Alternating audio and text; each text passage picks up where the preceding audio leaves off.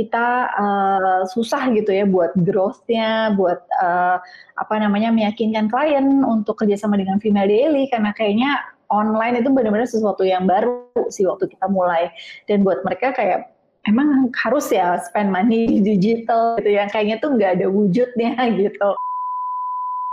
Social Podcast.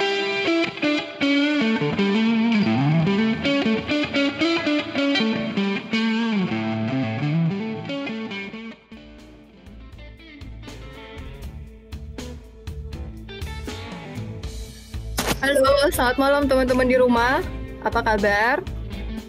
Kembali lagi bersama saya Kori yang bakal pandu sesi ini selama satu jam ke depan di Selasa Startup, our weekly event yang diselenggarakan oleh Daily Social. Nah, minggu ini senang sekali ya kita ditemani oleh female founder yang luar biasa. Tapi sebelum itu, seperti biasa, kita perkenalan dulu apa itu Daily Social. Uh, teman-teman yang sudah sering uh, mampir ke event ini pasti tahu ya, Daily Social itu merupakan media yang fokus pada informasi dan opini seputar startup dan teknologi. Nah, langsung aja kita uh, pada minggu ini bakal ngebahas topik seputar how beauty tech innovation changes the cosmetic industry. Dan di samping layar saya sekarang sudah ada Mbak Hanifa Ambadar selaku founder dan CEO dari Female Daily Network. Selamat malam Mbak Hani. Halo Kori, selamat malam. Halo teman-teman semua. Baik, kamu apa kabar? Baik Mbak. nah, uh, buat teman-teman yang interest banget sama produk skincare, kosmetik, atau body care, pasti tahu banget apa itu Female Daily Network ya, termasuk saya. Nah, untuk teman-teman yang belum tahu nih apa itu Female Daily Network, mungkin Mbak Hani bisa langsung perkenalan ya, uh, sekaligus cerita sedikit uh, apa sih Female Daily Network. Oke, okay. um, halo semuanya. Perkenalkan aku Hani, um, nama panjangnya Hani Pak Badar. Aku CEO dan founder dari Female Daily Network. Nah, um, mudah-mudahan sih kalau yang cewek-cewek udah pada tahu ya Female Daily itu apa. Tapi case di sini banyak cowok-cowok, um, aku ceritain sedikit kalau Female Daily is a uh, apa ya sekarang karena kita sekarang baru ada e-commerce nih jadi udah lebih komplit lagi. Jadi Female itu um, sebuah platform yang uh, memang the go to destinations for everything related to beauty. Jadi sekarang kita udah ada e-commerce-nya bisa belanja beauty produk di situ. Kita juga punya uh, beauty review platform. Um, jadi kalau mau cari review produk skincare makeup uh, hair care semuanya tuh ada di Female Daily. Kita ada lebih dari 40 ribu produk yang bisa dibaca reviewnya uh, dari member-member Female Daily. Dan reviewnya bisa dipersonalize sesuai dengan skin profile-nya kita. Dan Female Daily juga ada di YouTube. Um, ada, maksudnya ada community-nya, ada kontennya. Uh, kita aktif di YouTube, uh, udah hampir 900 ribu subscribers. Ada banyak banget video-video related to beauty dan kita ada uh, apa namanya kontennya juga artikel kita ada di semua social media. Terus juga um, sebagai community terbesar untuk perempuan dan beauty di Indonesia kita juga banyak banget melakukan event. Sayangnya udah empat bulan terakhir tentunya nggak ada event apa-apa gitu. Event terbesarnya adalah Jakarta X Beauty. Uh, tahun lalu di Senayan City itu kita mengumpulkan sekitar 25 ribu beauty enthusiast dalam tiga hari. Jadi itu benar-benar beauty expo terbesar di Indonesia. Kurang lebih segitu sih tentang Viva Lily in a nutshell. Mungkin nanti sambil ngobrol-ngobrol bisa keluar lagi nih tentang Viva Lily-nya. Ini diskusi kita santai aja ya Mbak ya. Jadi uh, untuk teman-teman yang punya pertanyaan bisa langsung tinggalin di kolom uh, chat YouTube-nya uh, sebelum kita masuk ke sesi tanya jawab dengan Mbak Hani. Uh, Oke okay, Mbak, jadi langsung aja ya Mbak ya kita ngobrol-ngobrol. Nah, uh, sebenarnya kalau kita lihat dalam beberapa tahun terakhir kan ya Mbak udah menyaksikan lah pertumbuhan sektor uh, digital di Indonesia gitu ya mungkin salah satunya dimotori oleh uh, sektor e-commerce. Nah kalau sejak kapan sih sebenarnya beauty tech itu muncul di Indonesia dan apa yang menandai kemunculannya? Oke, okay, kalau uh, ngomongin e-commerce beauty sih sebenarnya udah lumayan Hmm, mungkin 6-7 tahun terakhir ya udah ada e-commerce uh, beauty dan sebelum ada e-commerce yang resmi itu juga ada banyak sebenarnya jual beli yang terjadi gitu kayak misalnya kalau di Female Daily di forumnya Female Daily zaman dulu itu juga udah banyak banget terjadi jual beli. Nah uh, kalau e-commerce-nya dan marketplace dan lain-lain itu memang sekitar 5 atau enam tahun terakhir.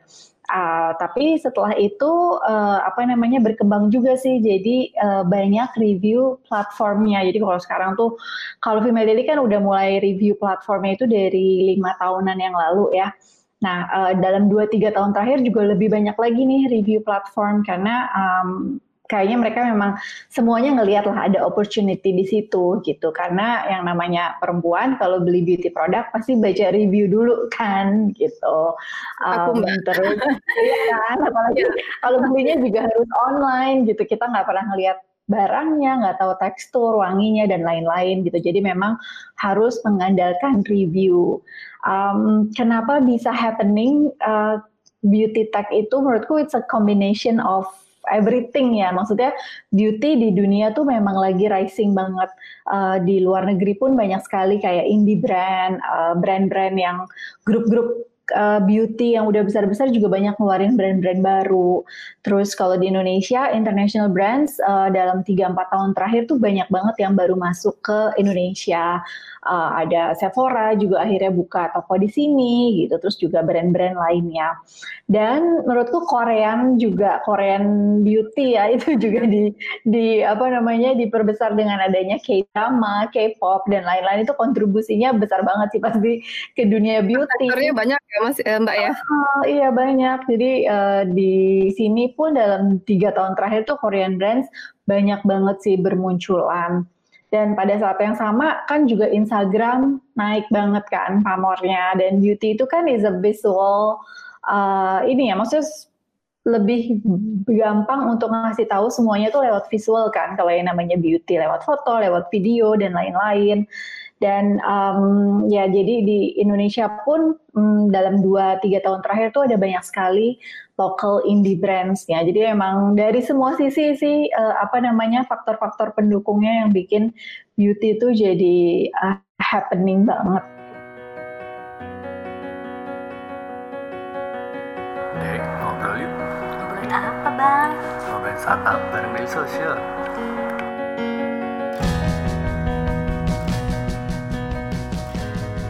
Daily Social Podcast. Oke, ini penjelasannya cukup padat banget Mbak dan sebenarnya udah bisa cukup ngerangkum ya dari semua pertanyaan. Tapi sebelum kita ya. sebelum kita masuk tadi soal kayak pertumbuhan brand-brand indie gitu, mungkin aku bisa lanjut uh, ke pertanyaan berikutnya. Uh, Female Daily itu kan uh, dirintisnya tahun 2005 ya Mbak ya? Betul ya? Nah, sepanjang dari tahun 2005 sampai sekarang apa sih perubahan apa sih yang yang lihat gitu terhadap industri kosmetik uh, di Indonesia gitu? Atau mungkin tren-tren yang ada di luar? Dan uh, sebetulnya uh, peran beauty tech pada perubahan-perubahan tersebut itu di situ apa? Gitu Mbak? Oke, okay, ya female itu memang dari 2005, tapi sebenarnya di awal tuh kita nggak spesifik di beauty. Jadi ada beauty dan fashion. Nah, baru di 2014 itu female daily fokus di beauty karena ngelihat ternyata semua conversationnya mengarah ke beauty nih. Uh, apa namanya memang dicari orang adalah beauty dan ada banyak sekali data-data yang bisa dipelajari gitu. Uh, kalau di beauty dibanding di fashion.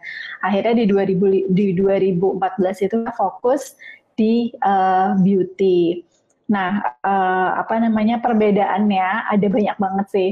Kalau zaman dulu, uh, terutama kalau ngomongin local brands ya, paling cuma ada beberapa sih, uh, cuma ada beberapa grup besar gitu ya yang masing-masing punya beberapa brands kayak misalnya ada Marta Tilar, ada ada Paragon, terus juga ada Mustika Ratu, masing-masing ada tuh beberapa brandnya. Uh, tapi kalau dulu tuh kayaknya dari sisi produk masih sangat-sangat mengusung kayak tradisional gitu, kurang millennial friendly. Nah, uh, setelah itu baru 2-3 tahun terakhir nih indie brands uh, benar-benar bermunculan. Ada wow kalau dipikir tuh sekarang kayak setiap dua minggu sekali mungkin ya tuh ada brand ada lokal baru, ya, untuk iya ada produk baru ada brand baru gitu. Dan makin lama memang makin bervariasi makin keren-keren banget sih uh, produknya. Terus uh, yang aku lihat juga sekarang lebih melek ya perempuan Indonesia tuh lebih kece-kece sekarang. Kayaknya lihat orang wow makin muda aja gitu kan karena sekarang klinik juga makin banyak bertebaran di mana-mana segala skin treatment, laser apa pun tuh banyak banget. Belum lagi treatment-treatment yang zaman dulu nggak ada. Ya kan kayak sulam alis lah, lash extension, dulu mana ada gitu. Kalau sekarang tuh udah menjamur banget. Terus juga makin muda yang into beauty gitu. Kalau misalnya dulu zaman dulu aku ya SMA juga belum kenal beauty produk apa pun gitu. Paling kan body spray, deodoran yang kayak gitu. Sekarang anak-anak SMA pun udah pada lain jadi canggih semuanya dari sisi konsumer, dari sisi industri, uh, udah keren-keren banget sekarang. Teenager aja sekarang udah banyak yang pakai seven layer uh, apa iya. skincare. iya, udah ngerti kayak exfoliating toner itu exfoliating. Wow, canggih-canggih sih. itu selama sepanjang uh, apa ya Female Daily Network berdiri sampai sekarang uh, apa sih Mbak tantangan yang uh, dirasakan gitu selama hmm. apa ya uh, mengembangkan platform ini dan apakah setiap tahunnya itu tantangannya selalu berbeda-beda gitu Mbak? Apa yang dihadapi uh, tantangan dulu dengan uh, tantangan sekarang karena zamannya pasti udah beda ya Mbak ya. Internet juga sekarang iya. mungkin nggak secanggih dulu. Iya, udah beda banget sih. Kalau tantangan sih udah pasti selalu ada ya uh, in every stage of the company itu kecil sampai besar tuh tantangannya justru makin lama makin besar gitu. Yeah. Tapi memang uh, beda banget kalau zaman dulu pastinya kan nggak ada social media kan ya. Kita udah mulai dari belum adanya uh, Instagram, WhatsApp dan lain-lain. Jadi semua informasi itu terpusatkan di Female Daily gitu. Ketika orang googling apa pun, pasti ujung-ujungnya ke Female Daily gitu. Semuanya ngumpul di situ. Sekarang kan orang udah lebih uh, terdistraksi ya, maksudnya udah tiap hari gangguan di handphone tuh semua sosial media, WhatsApp, email dan lain-lain gitu. Jadi memang waktu untuk uh, di female daily-nya uh, misalnya member-member lama itu pastinya jadi berkurang gitu. Hmm. Terus juga informasi udah ada banyak banget uh, ada di mana-mana. Terus uh, itu kalau dari kaitannya dengan sisi users ya kalau juga kalau zaman dulu kita uh, susah gitu ya buat growth-nya, buat uh, apa namanya meyakinkan klien untuk kerjasama dengan female daily karena kayaknya online itu benar-benar sesuatu yang baru sih waktu kita mulai. Dan buat mereka kayak emang harus ya spend money di digital gitu yang kayaknya tuh nggak ada wujudnya gitu. Susah banget. Terus zaman dulu juga belum ada venture capital kan. Kayak venture capital tuh baru ada di 2011 gitu deh yang aku ingat gitu. Jadi growingnya tuh memang pelan-pelan sih, pelan-pelan. Tapi aku ngelihatnya ada sisi baiknya juga karena community-nya tuh jadi lebih solid gitu kan. Kita nggak nggak dipaksa untuk ngejar growth aja gitu. Semuanya serba organik, word of mouth yang uh, akhirnya melahirkan quality uh, ini members gitu members members yang masuk tuh di awal memang sangat sangat solid yang memang into beauty banget gitu Uh, jadi ya ada sisi uh, baiknya juga gitu. Terus um, apalagi ya kalau sekarang kan karena ada social media, terus semua orang juga bisa jadi beauty reviewer gitu kan.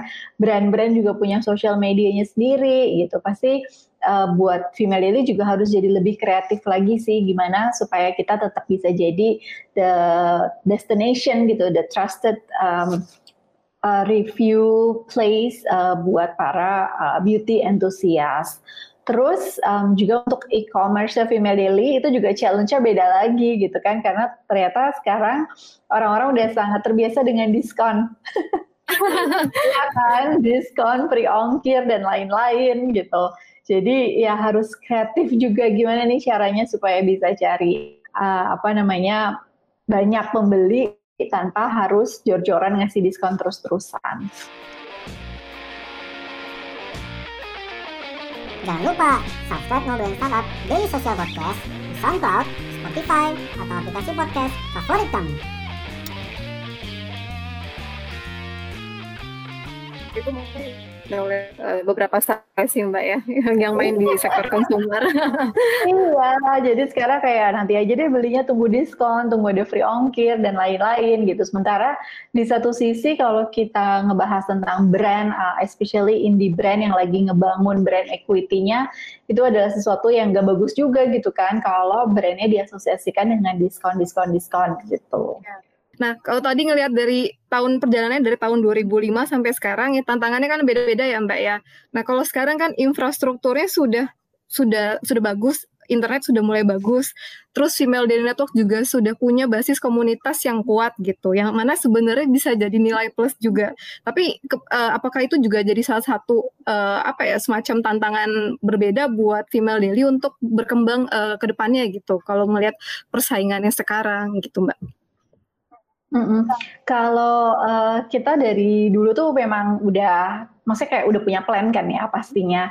Kalau di awal ya Female Daily memang tempat untuk mereka terekspos dengan produk-produk baru, dengan semua produk yang ada uh, di Indonesia gitu. Tapi ketika mereka mau beli itu kan uh, harus beli di tempat lain, either online atau offline gitu. Jadi ya kita terus mikir caranya gimana ya supaya user-user kita ini nggak ke mana-mana lagi gitu. Jadi semua Intinya user tetap di situ ya Mbak ya? Semua uh, journey-nya ada di Female Daily terus gitu. Dia terekspos, dia diskusi sama yang lainnya, dia beli di situ dan juga ngasih review ya udah di situ-situ aja gitu. Jadi kita punya satu ekosistem yang memang untuk memfasilitasi semua journey-nya uh, consumer di uh, uh, beauty enthusiast di Female Daily.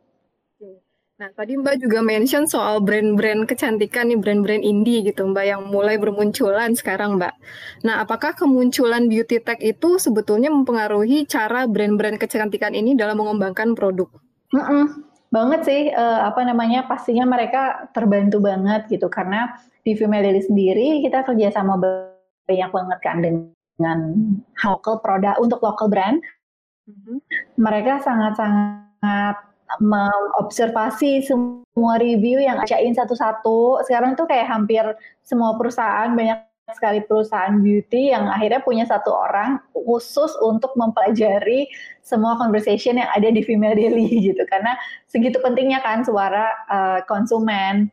Nah, uh, banyak dari uh, insight-insight yang ada di situ tuh dijadiin misalnya kayak product development, mereka jadi tahu kebutuhan uh, konsumen tuh seperti apa, terus mereka juga jadi tahu feedback-feedback tentang produk yang udah ada di pasar tuh seperti apa. Jadi mereka tahu kalau misalnya mau memperbaiki produk tersebut, reformulasi dan lain-lain, itu semua insight-nya ada di Female Daily. Dan karena kita juga ada apa namanya pool of beauty panel gitu ya, banyak juga local-local brand yang sebelum launching produk itu uh, eh, FGD dulu nih sama membernya Female Daily. Jadi kayak uh, ditanya nih lebih suka tekstur yang mana, lebih suka warna yang mana, terus uh, banyaklah melakukan tanya jawab di situ. Uh, jadi brand-brand uh, yang memang mau mempergunakan semua insight yang ada di Female Daily itu bisa banget sih uh, selama ini udah dilakukan buat product development dan juga buat kayak marketing campaign gitu dan juga mempelajari kayak um, feedbacknya orang-orang ini tentang produk kompetitor tuh seperti apa misalnya kayak gitu. Jadi sekarang kan memang trennya tuh banyak beauty brand yang melibatkan konsumernya dalam menentukan produk ke depannya. Jadi mereka merasa dilibatkan gitu ya. ya info, ada involvementnya apa prosesnya. Iya. Hmm. Okay. Jadi menarik sih uh, aku ngelihatnya. Perkembangan selanjutnya ya Mbak ya. Oke, okay. uh, eh, ini ada pertanyaan Mbak, kita pause dulu untuk pertanyaan. Tapi kebetulan pertanyaan okay. ini persis banget sama pertanyaan yang ingin aku tanyakan. Uh, kan katanya tech innovation changes the cosmetic industry. Kalau dari segi konsumer, hmm. adakah perubahan yang sangat-sangat berubah perilakunya? Gitu. Hmm. Gimana Mbak? Perilaku dalam konsumsi beauty product gitu ya maksudnya? Ya. Uh, perilakunya, uh, menurut aku kalau sekarang mereka udah sangat-sangat menjadi review generation ya. Jadi um, benar-benar uh, maksudnya bukan cuma beauty aja gitu kan sebelum kita makan misalnya ke restoran kita baca dulu reviewnya sebelum nonton film sebelum pilih hotel travel dan lain-lain itu pasti semua baca reviewnya gitu kan uh, apalagi the young millennial sama Gen Z itu kan mereka sendiri uh, mereka banyak maunya tapi dari sisi budget mereka juga belum banyak gitu jadi Masih terbatas ya, Mbak. Mereka mau masih terbatas gitu kan first jobbers dan lain-lain tapi mereka mau sesuatu yang value for the money they spend gitu. Makanya uh, mereka benar-benar baca review dulu sih gitu. Nah, yang brand-brand lakukan adalah kan kalau di Female Daily ada review and recommendationnya, ada rating dan lain-lain. Makanya kalau kita ke toko itu bisa lihat dari produk-produk tersebut tuh suka ada yang pasang uh, reviewnya Female Daily gitu. Jadi kayak produk ini five stars dan lain-lain dan itu giving the assurance ke consumer bahwa uh, produk ini oke okay loh di udah di review uh, sama komunitasnya Female Daily dan reviewnya tuh bagus gitu. Itu sih salah satunya yang aku lihat ya. Maksudnya beauty itu kan memang sesuatu apalagi kalau skincare ya kan uh, skincare sesuatu yang kita masukin ke kulit gitu takut banget gampang breakout dan lain-lain. Beda sama baju yang kalau misalnya kita suka kita lihat di mall uh, modelnya pas harganya oke okay, dan lain-lain ya udah kita beli gitu. Kita nggak search review celana jeans merek apa gitu. Tapi kalau uh, beauty itu pasti minimal tanya temen dulu di WhatsApp lo pernah cobain nggak produk ini? Atau di Google dan dicari reviewnya itu sih yang paling uh, aku lihat ya kalau zaman dulu kita lebih percaya sama beauty beauty assistant yang ada di situ dengan informasi yang uh, mereka share ke kita. Tapi kalau sekarang beauty assistant udah ya cuma melayani aja gitu menjawab atau they're there to help us. Tapi uh, orang-orang udah nggak terlalu percaya lagi dengan informasi si beauty assistant malah kadang-kadang konsumernya udah jauh lebih pinter gitu. Nah, itu, aku itu sih salah satu. Uh, sama yang kedua tuh menurut aku the ini ya kecintaan terhadap local brand sekarang lagi tinggi tingginya karena memang brandnya uh, makin banyak, produknya makin keren-keren dan kita tuh sekarang udah bukan mendukung local brand cuma karena dia local brand gitu. Cuma karena ya udahlah haruslah kita dukung produk dalam negeri gitu nggak kayak gitu gitu. Jadi kalau misalnya memang produknya jelek ya tetap dikritis gitu. Jadi kita udah udah lebih demanding sih ke local brand. Oke, nah semoga tadi yang tanya pertanyaan itu sudah terjawab ya dari Mbak Hani.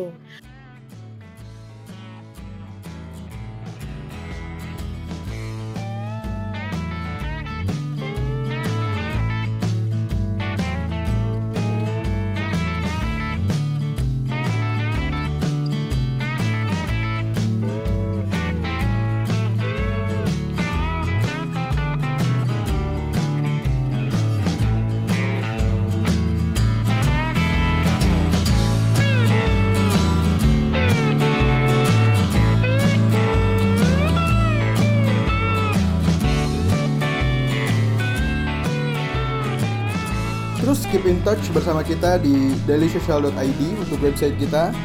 Di Facebook kita ada dailysocial.id, di Twitter kita ada @dailysocial dan di Instagram kita ada @dailysocial.id.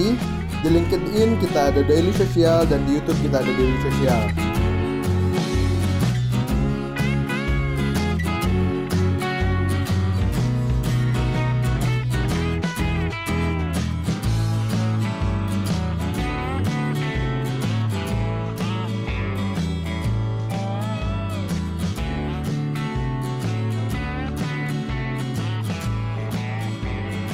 Daily Social Podcast.